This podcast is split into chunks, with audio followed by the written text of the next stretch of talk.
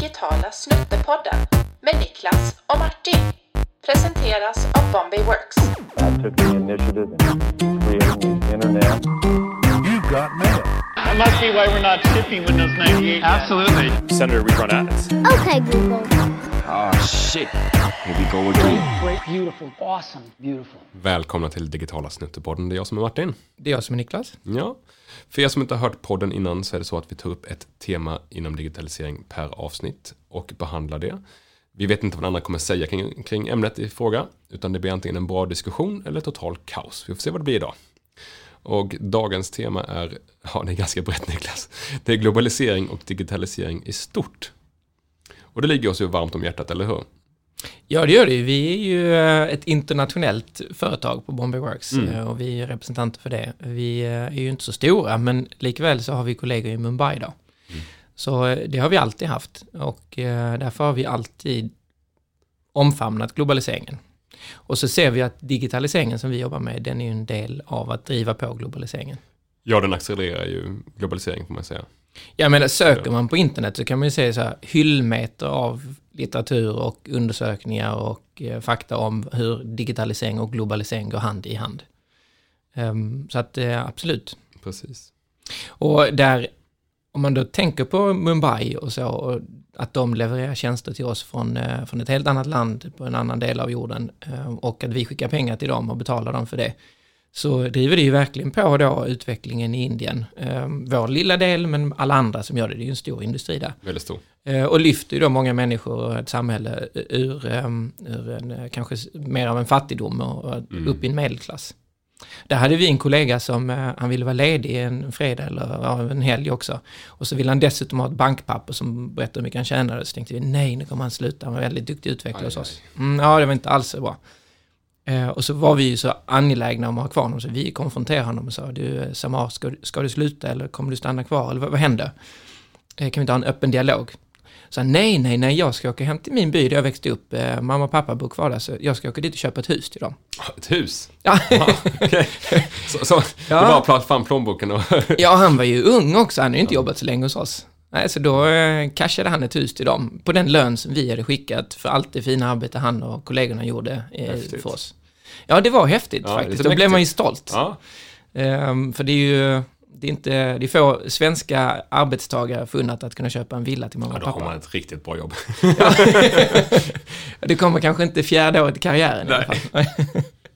så, eh, så det är ju häftigt. Eh, Och en annan grej kring, kring det är ju kring glo- globalisering som vi tänker mycket på, det är ju också att eh, sprida kunskap Mm. och försöka sprida den över, över världen. Eh, och då är det klart att eh, vi kan ju kanske inte mer än vad man kan i, i Mumbai, men de kan ju saker som inte vi kan och tvärtom. Precis. Och ju mer vi delar, desto mer lär vi oss. Och eh, kunskap är ju makt, pratar man ju om.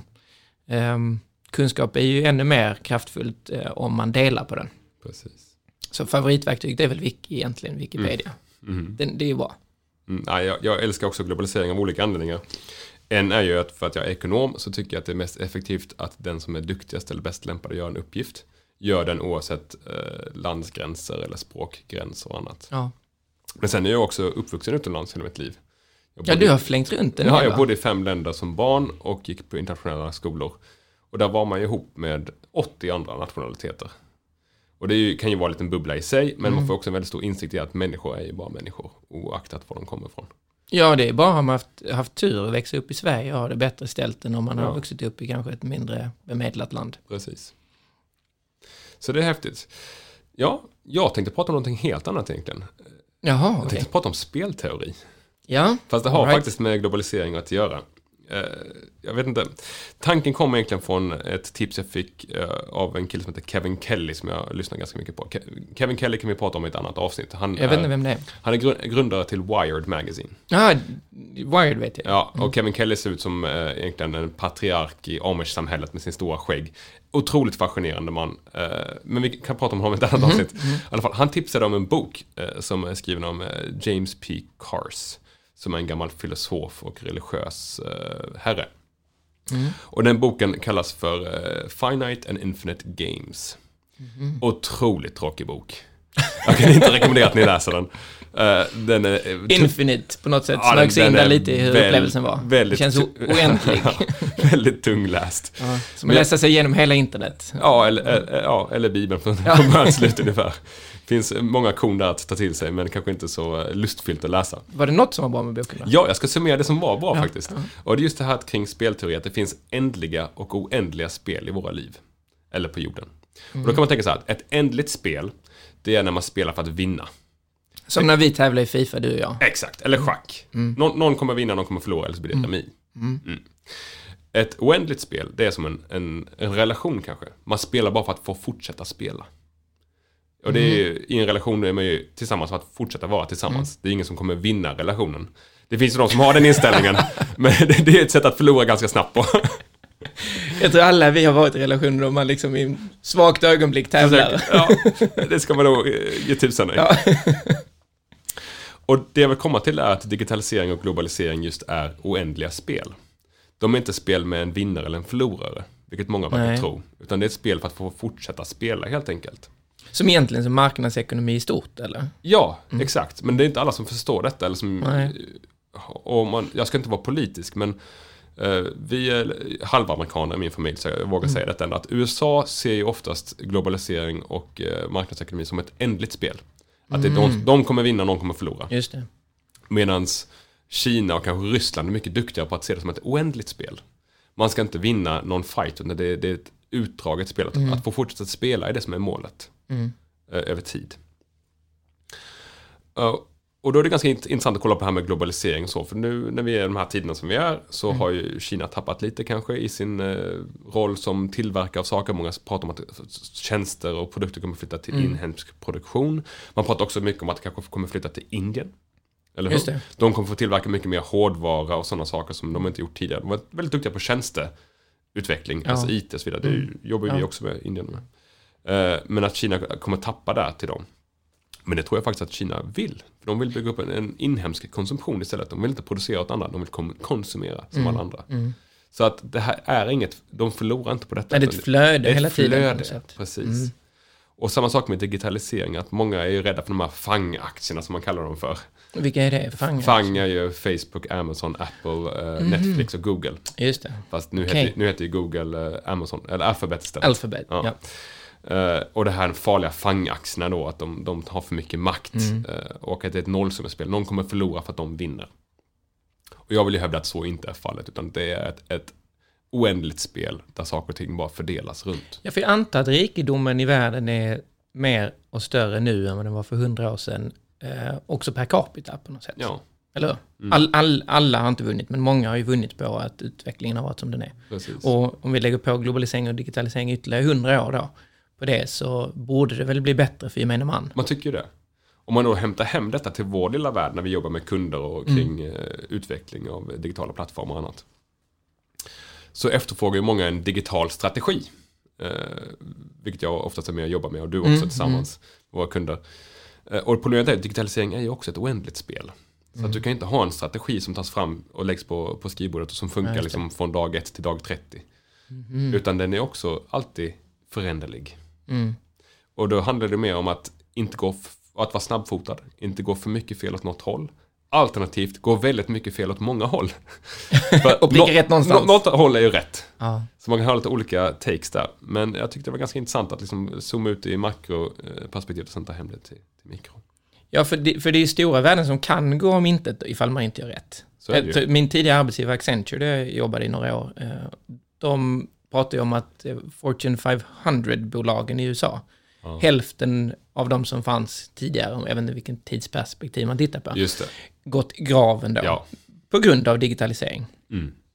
Där de uppenbara casen är såklart eh, Kodak då, eller eh, om vi tar eh, Blockbuster. Ja, Men det finns många andra också som inte hängt med. exakt. Så då finns det ju förlorare, men i stort så känns det som att samhället Ja, individuella förlorar, men om de tittar på ekonomiska utvecklingen under de ekonomin åren växer och vinner. och hur gemene man har det hemma så har det ju alla fått det bättre. ja. Det pekar ju alla indikatorer på att alla har fått det bättre.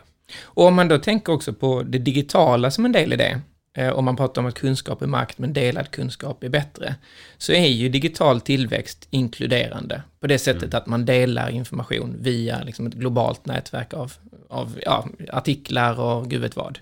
Och, och då kommer ju det till alla till gagn. Sen har vi ju problem med vissa länder förstås som eh, har censur på internet. eh, Ja. Och, och det är ju inte toppen kanske. Nordkorea är ju värsta exemplet. Men det finns ju andra länder som borde släppa på det Släppa där och fritt, köra fritt. Och det är ganska intressant det här med globalisering också, för det har haft en ganska stort inflöde till städer eh, av globaliseringen. Att folk vill komma till arbete och så, så, så även i Sverige. Jag, menar, jag vet inte hur många som har flyttat in i Stockholm de senaste tio åren. Ja, det pratas om två busslaster om dagen eller Ja, något sånt där. Det är ju helt sjukt. Sen finns det ju alltid motreaktioner på allting. Jag vet, vi, ibland brukar vi prata om att eh, det digitala blir billigare och billigare och billigare. Det gör att saker och ting blir billigare. Men det som är fysiskt, det blir ju mer värt. Det blir ju dyrare. Ja, för det går ju inte att digitalisera, så då vill Exakt. man ju ha det för det blir någon slags unik vara, en unik upplevelse. Och det blir som en motreaktion mot det här digitala. Och på samma sätt som folk har flyttat in i städerna nu med digitaliseringen så tror jag att vi står inför en ny gröna vågen i Sverige. Ja, det kanske kan bli så, man- med det som händer nu också. Exakt, man kan ju kalla det för digitala vågen. Att folk flyt- flyttar ut och hittar det större, finare hus, närmare grönområden, kan jobba på distans digitalt. Ja, för, för, för grejen är, det finns, det, det är ju, så här, man har ju känslomässiga band till det fysiska. Det har man. Man kan ju undra sig här ifall man är människa, ifall man kan bli 100% digital. Det, det går inte ihop med sensoriska systemet och upplevelsen av sin kropp och sin del i, i, i världen. Elon Musk tror ju det. Ja, ja, precis, men han är ju inte mänsklig heller. Det pratas ju om att han är alien rent faktiskt. Oj, den Ja. teorin har jag inte hört. Jo, att han, eh, hans fru då... Ursäkta, jag ska bara ta på mig foliehatten här först. Så, Eh, och- fortsätt. Och att hans fru som eh, också skulle vara alien, nu har de fått något nytt barn som är döpt till något Ja, men det var ju bara kejsaren hoppsan. Det Det kanske var- var bluff. ja, det var Men då sprang teorierna iväg kring att han är alien och, och, och så, att de lever bland Herregud oss. vad folk har för mycket tid. Ja, ja, precis. Internet, du vet, det sprids fort. Det sprids fort ja. För om man pratar om de där känslomässiga banden, då finns det ett uttryck som är, eller ett ord som eh, är topofili. Och det är ett ord som jag har kollat upp eftersom jag själv har ett känslomässigt band till en viss plats i världen. Okej. Till mitt sommarhus när jag var liten. Ja. Jag trivs jättebra när jag kommer ner på ängen där och vid sjön. Du känner dofterna och så Ja, men det, är liksom, till det, hela, så. det är så mycket som sitter i det där. Och det är ju inte kanske egentligen bara platsen, utan alla minnen som du säger. Eh, frågan är om man kan ha sådana minnen av en digital plats. Eller om det krävs allt andra med, som, alltså alla si- sinnen och hela upplevelsen. Det är ju ganska intressant, för är, om man ska vara lite morbid, så när folk dör så finns ju deras digitala spöken kvar på internet. Ja, men inte så mycket av- annat. Askan är Nej. ju försvunnen. Ja. Exakt, det är ju deras eh, profiler, Instagram-profiler, gamla bilder, allt Ja. sånt där. Det är ju ingen som tar hand om det på ett sätt. Och är det då ett minne som blir kvar, som man kan ta på? Eller? Jag, jag har till och med hört de som har mycket inspelad röstdata, att man använder sig av den röstdatan för att sen kunna föra ett samtal med sin eh, döda pappa. Det är ju lite crazy. Det är cre- creepy faktiskt. Tänk, tänk om vi spelar in podd här några gånger nu och sen så samlar man ihop det när jag blir påkörd av en buss här i, i eftermiddag. Vi hinner kanske inte spela in så mycket till dess, men, men så, och vi har material. Att mitt sätt att uttrycka mig, mitt sätt att tänka kan replikeras av eh, AI, inte AI, men motsvarande då, eh, Ja. maskinlärande lärande algoritmer. Eh, och då lever man kvar i någon slags sorgligt digitalt tillstånd. Usch, Nej, det vill vi inte. det vill vi inte. Ska vi sätta stopp här nu blev det sorgligt. Nu det blev sorgligt tufft. ja. Ja. Ja, man blev lite nedstämd. Ja, Ja. Ja, det var- bra Niklas. Så det är oss på jorden igen. ja. Oavsett så är vi ju glada för digitaliseringen och globaliseringen. Det är vi. Och eh, nu lyckas vi skrapa på med ena nageln på, på detta, men det är ju ett spännande ämne som vi Ja. gärna pratar med. Jag tror att det kommer bli många, många fler avsnitt Ja. på detta ämne. Eller hur?